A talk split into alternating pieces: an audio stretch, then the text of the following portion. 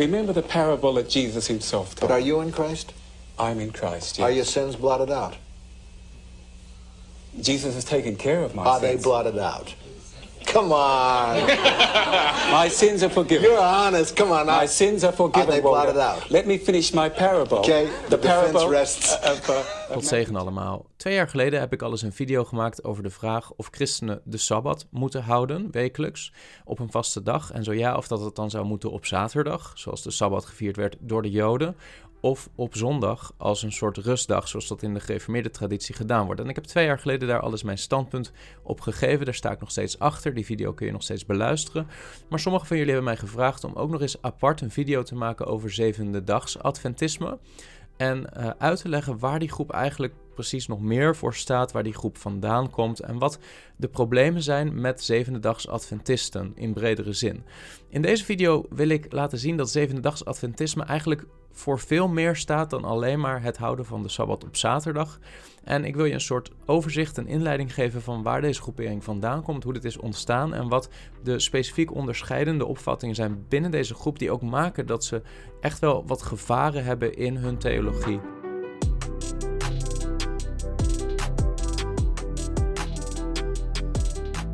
Wat is de achtergrond van de beweging van het zevende dags Adventisme? Nou, in de eerste helft van de 19e eeuw, omstreeks 1818, toen kondigde William Miller, dat was een Amerikaanse baptistenpredikant, die kondigde aan dat in zijn ogen de wederkomst van Jezus Christus zou plaatsvinden in het jaar 1843 of uiterlijk het jaar 1844. Hij zei het volgende: I believe the time can be known by all who desire to understand and to be ready for his coming. Dus ik geloof dat de tijd gekend kan worden door allen die er naar verlangen om te weten van zijn wederkomst en daar klaar voor te zijn. Het gaat over de wederkomst van Christus. And I am fully convinced that sometime between March 21st 1843 and March 21st, 1844, according to the Jewish method of computation of time, Christ will come and bring all his saints with him. Dus vertaald, ik ben er volledig van overtuigd dat op een bepaald tijdstip tussen 21 maart 1843 en 21 maart 1844, volgens de Joodse berekeningsmethode van tijd, Christus zal komen en al zijn heiligen met hem zal meebrengen. En dat hij dan, en that then he will reward every man as his work shall be. Dat hij elke man, elk mens zal belonen volgens zijn werken. Dat was overigens in de eerste helft van de 19e eeuw niet alleen maar een opvatting van deze baptistenpredikant Miller, maar er was al een soort sfeer in het christendom in de Second Great Awakening van gericht zijn op de wederkomst van Christus in een soort adventistische beweging, hè? een adventbeweging. Advent wil zeggen de komst, de wederkomst van Christus. Um, en er waren veel aanhangers van deze interpretatie van Miller, die samen met hem tot de conclusie kwamen dat de wederkomst van Christus zeker niet later zou plaatsvinden dan 22 oktober 1844. Maar waarom geloofden ze dat eigenlijk? Nou, in Daniel hoofdstuk 8, vers 14, daar lezen we het volgende. Hij zei tegen mij: Tot 2300 avonden en morgens, dan zal het heiligdom in rechten hersteld worden. In de ESV, Engelse vertaling, lezen we: And he said to me, For 2300 evenings and mornings, then the sanctuary shall be restored to its rightful state. Dat is een profetisch woord gegeven aan de profeet Daniel. En uh, Miller keek naar deze profetie en kwam tot de conclusie dat als je begint te tellen in het jaar 457 voor Christus, waarom dat jaar? Omdat dat het jaar was dat Artaxerxes, uh, de eerste, een decreet uitbracht om Jeruzalem te herbouwen. Als je daar 2300 jaar bij optelt, dan kom je uit in het jaar 1843 of 1844. Nou, waarom zou je dat doen? Dat was in de logica van Miller, omdat als je in Daniel hoofdstuk 9 kijkt naar de profetie van de 70 weken uh, en je die omrekent naar dagen, dan kom je uit op 490 dagen. En als je de regel van dagen staan voor jaren, hè, profetische dagen staan voor profetische of daadwerkelijke jaren, uh, uh, omrekent, dan kun je dus beginnen te tellen in het jaar 457 voor Christus plus die 490 jaar. En dan kom je uit in de bediening van Jezus op aarde, hè, rond het jaar 30 na Christus. Vervolgens dacht Miller: oké, als we datzelfde uitgangsjaar van 457 gebruiken en we nemen aan dat in Daniel 8, vers 14 die 2300 avonden en ochtenden ook staat voor 2300 jaren, dan kom je uit in het jaar 1843, 1844. En dan zou dat het jaar moeten worden van de wederkomst van Christus. Nou, hier zitten natuurlijk enorm veel aannames in. Uh, allereerst is dan maar zeer de vraag of dat je die 2300 dagen, hè, het staat letterlijk avonden en ochtenden, moet je die zien als letterlijke dagen of moet je die zien als profetische dagen, waardoor het jaren worden? Gaat het dan ook uiteindelijk om een letterlijk getal of uh, gaat het hier om een symbolisch getal?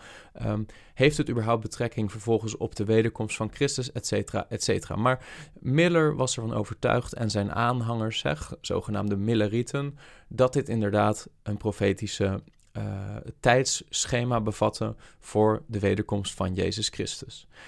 Dat alles liep uit op een grote teleurstelling. In de zin van dat in 1843 al in de eerste fase waarbinnen ze dachten dat die profetie vervuld zou kunnen worden, de komst van Christus uitbleef. Nou, uiteindelijk, eh, zoals dat wel vaker gebeurt met dit soort profetieën over wanneer Jezus terugkomt, wanneer die datum daadwerkelijk aanbreekt en de wederkomst uitblijft, gaan mensen vervolgens daar verklaringen voor bedenken, uh, kijken of dat ze misschien miszitten met de berekening. Vervolgens kwamen ze tot de conclusie dat dan toch echt de laatste datum dat uh, Christus zou kunnen terugkomen binnen dit tijdschema zou ergens zijn in oktober 1844. Maar ook op dat moment kwam Christus niet en gebeurde er eigenlijk niets. En dat noemen ze in die beweging van Adventisme uh, rondom William Miller de Great Disappointment, de grote teleurstelling. Er waren echt grote groepen christenen uh, die op die dag aan het wachten waren totdat Jezus zou wederkomen en hij kwam niet.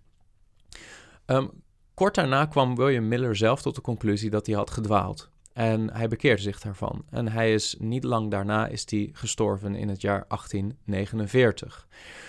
Maar een aantal van zijn aanhangers, hè, een aantal groepen die afsplitsten van dat als Adventisme, um, die waren toch ervan overtuigd dat die profetie klopte. En het was al enkele dagen nadat die Great Disappointment plaatsvond, dat een man genaamd Hiram Edson, een Adventist, um, door een maisveld wandelde, aan het nadenken was over alles wat er was gebeurd en een soort openbaring of een visioen kreeg waarin hem duidelijk werd dat die datum wel klopte, maar dat het niet zou gaan over de wederkomst van Jezus Christus, maar dat er eigenlijk iets anders mee bedoeld werd, namelijk dat er twee fasen waren in de bediening van Jezus Christus om onze zonde te verzoenen. Zijn visioen of zijn openbaring was dat het jaartal 1844 wel had geklopt, maar dat Jezus niet naar de aarde zou terugkomen, maar dat hij is binnengegaan van het heilige in het heilige der heiligen. Dus in het allerheiligst compartiment van de tempel zoals die in de hemel zou staan. En dat verklaarde waarom die profetie wel klopte, maar de interpretatie ervan niet helemaal klopte. Dus er was wel iets significants gebeurd in het jaar 1844. Um, maar het was niet de wederkomst van Jezus Christus geweest. Nou, dit is natuurlijk enorm problematisch, want hiermee vergeestelijk je iets wat compleet niet toetsbaar is. Um, niemand heeft kunnen waarnemen dat dat zou zijn gebeurd. Er zou in de hemel iets zijn gebeurd. Um, en dat moeten we dan maar aannemen van iemand als Hiram Edson en later ook van Ellen G. White, de grote profetes binnen het zevende dags Adventisme.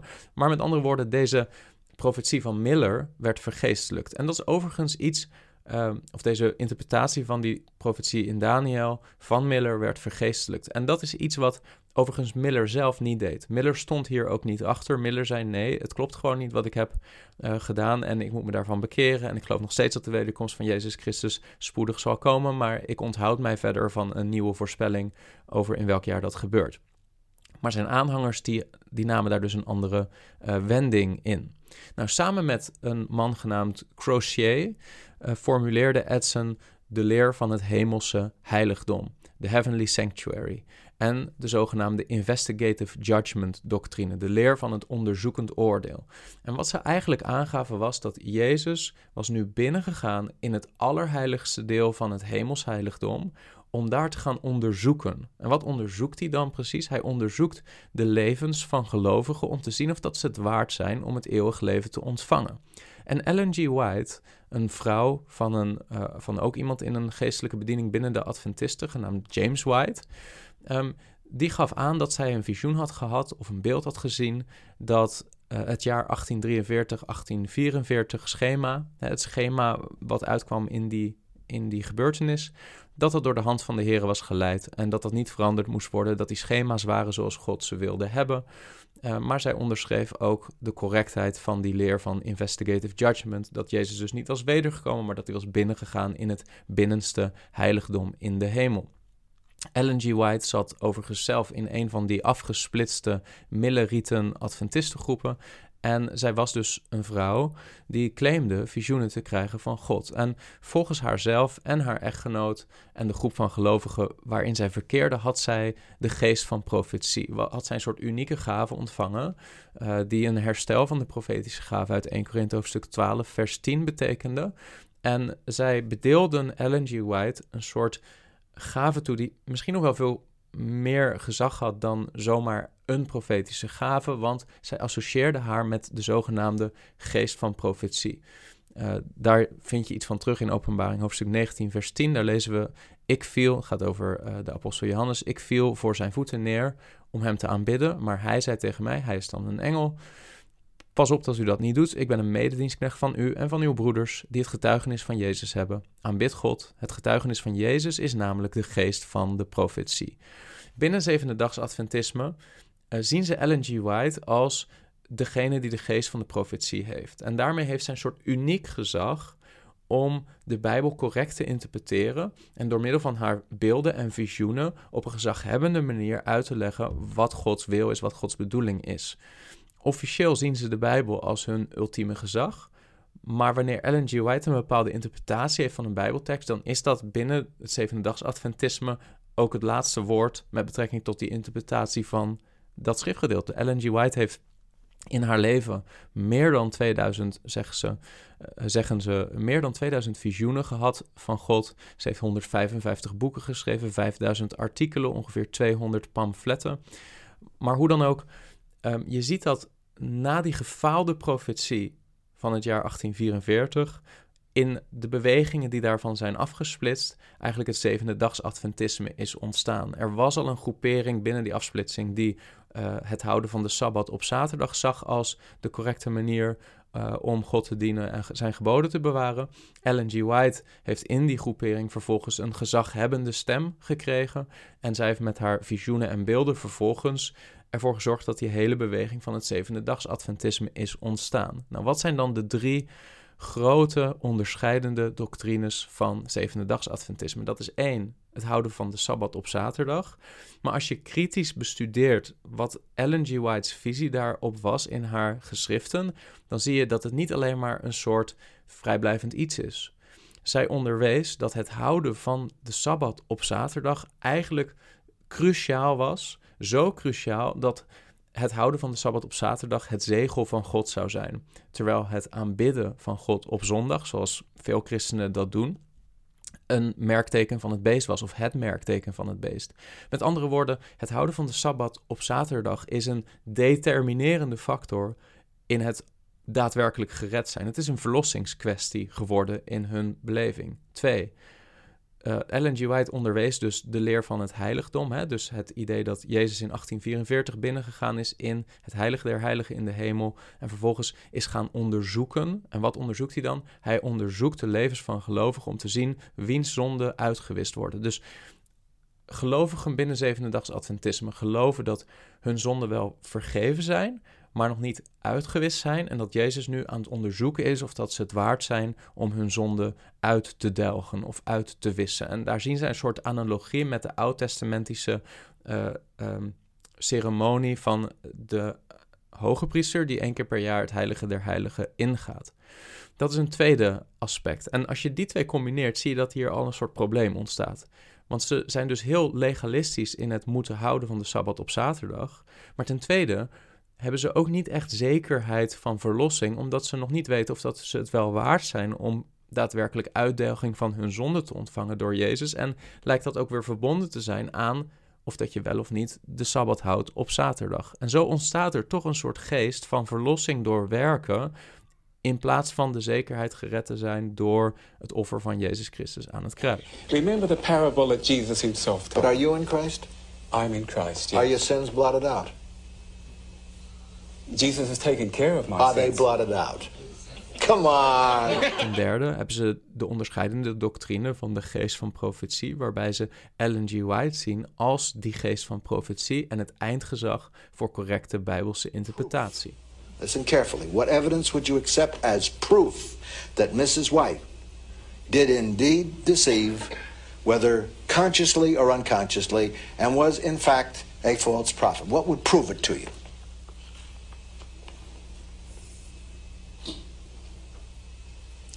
Surely the scriptural tests have to be the tests. But we can't use Scripture because she's the infallible interpreter. And if we use Scripture, the Adventists will turn to us and say, but the spirit of prophecy contradicts that. How can we use Scripture?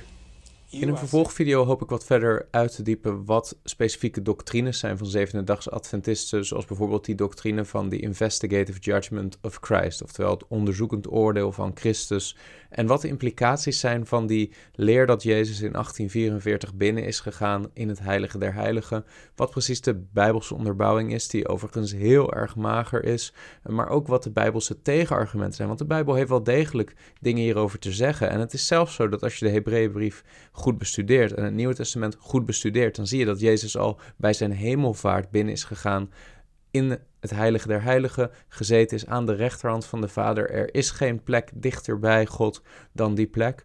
Uh, en dus is die hele 1844-doctrine en de zogenaamde Investigative Judgment-doctrine is een dwaalleer, is, is echt een onbijbelse, slecht gefundeerde dwaling. Um, maar het is ook nog eens zo dat de implicaties daarvan um, heel gevaarlijk zijn, omdat dus, zoals ik eerder noemde, zevende-dags Adventisten niet zeker weten of dat ze wel behouden zijn. Dat kunnen ze niet zeker weten, omdat ze dus geloven dat Jezus nog aan het onderzoeken is of dat ze het waard zijn om eeuwig leven te ontvangen en uitdelging van hun zonde te ontvangen. Er zijn nog heel veel andere problematische leerstellingen binnen het zevende-dags Adventisten, zoals de vernietiging van ongelovigen, het idee dat er geen uh, eeuwige hel is, uh, het idee dat uiteindelijk uh, de Satan de zonden van mensen zal wegdragen als een soort zondebok en dus niet Jezus Christus die zonde heeft weggedragen, zoals de Bijbel onderwijst. Um, er zijn heel veel van dit soort problematische leerstellingen binnen het zevende-dags Adventisme. Maar het grootste probleem is het gezag wat ze toebedelen aan Ellen G. White en aan haar doctrines. En nogmaals, ze zullen nooit zeggen dat Ellen G. White op gelijk niveau staat als de schrift. Maar in de praktische geloofsbelevenis van zevende-dags Adventisten is het wel zo dat Ellen G. White de, de, de, de feilloze interpretatie is van de schrift. En dus uiteindelijk Ellen G. White wel degelijk op gelijke hoogte wordt gesteld als de schrift zelf. Frappant aan dit alles is dat zij zoveel nadruk leggen op de Sabbat en tegelijkertijd juist door hun leerstellingen en legalisme de echte vervulling van de Sabbat missen. Want de geestelijke vervulling van de Sabbat is dat Jezus zegt: Komt op mij, alle die vermoeid en belast zijn, en ik zal u rust geven voor uw ziel. En juist die rust die Jezus ons wil geven, doordat we mogen ontvangen de vergeving van zonde, de zekerheid dat we gered zijn, uh, door de rechtvaardiging die Jezus brengt door zijn offer op Golgotha en zijn opstanding uit de dood. Juist die zekerheid die wij mogen hebben van onze verlossing en het opnieuw geboren zijn en kind zijn van God en de rust die dat brengt, die ware Sabbatsrust, juist die rust missen veel mensen binnen de zevende dags Adventistenkerk. Terwijl ze uh, zoveel spreken over de Sabbat en het houden van die letterlijke Sabbat op zaterdag, is juist die diepere realiteit van die geestelijke sabbatsrust, van het weten een kind van God te zijn, hetgeen wat zo vaak ontbreekt binnen het zevende dags Adventisme. En um, als je het interessant vindt, kun je, je ook luisteren naar wat getuigenissen van ex-zevende dags Adventisten, die ook getuigen van dit feit en van hoeveel mensen binnen zevende dags Adventisme wel de Bijbel in de hand hebben en de Bijbelteksten kunnen citeren, maar ten diepste geen vrede in hun hart hebben en geen zekerheid hebben van hun verlossing, omdat er een aangepast evangelie klinkt in die groep. En nogmaals, dat betekent niet dat alle zevende-dags Adventisten uh, niet in het ware evangelie geloven, maar er is wel een bepaalde geest van legalisme die een behoorlijk negatief effect heeft in die geloofsgemeenschap. Als je het interessant vindt en je wilt hier meer over horen, laat het dan weten in de comments. Dan zal ik er nog wat meer video's aan wijden in de toekomst. Tot de volgende keer.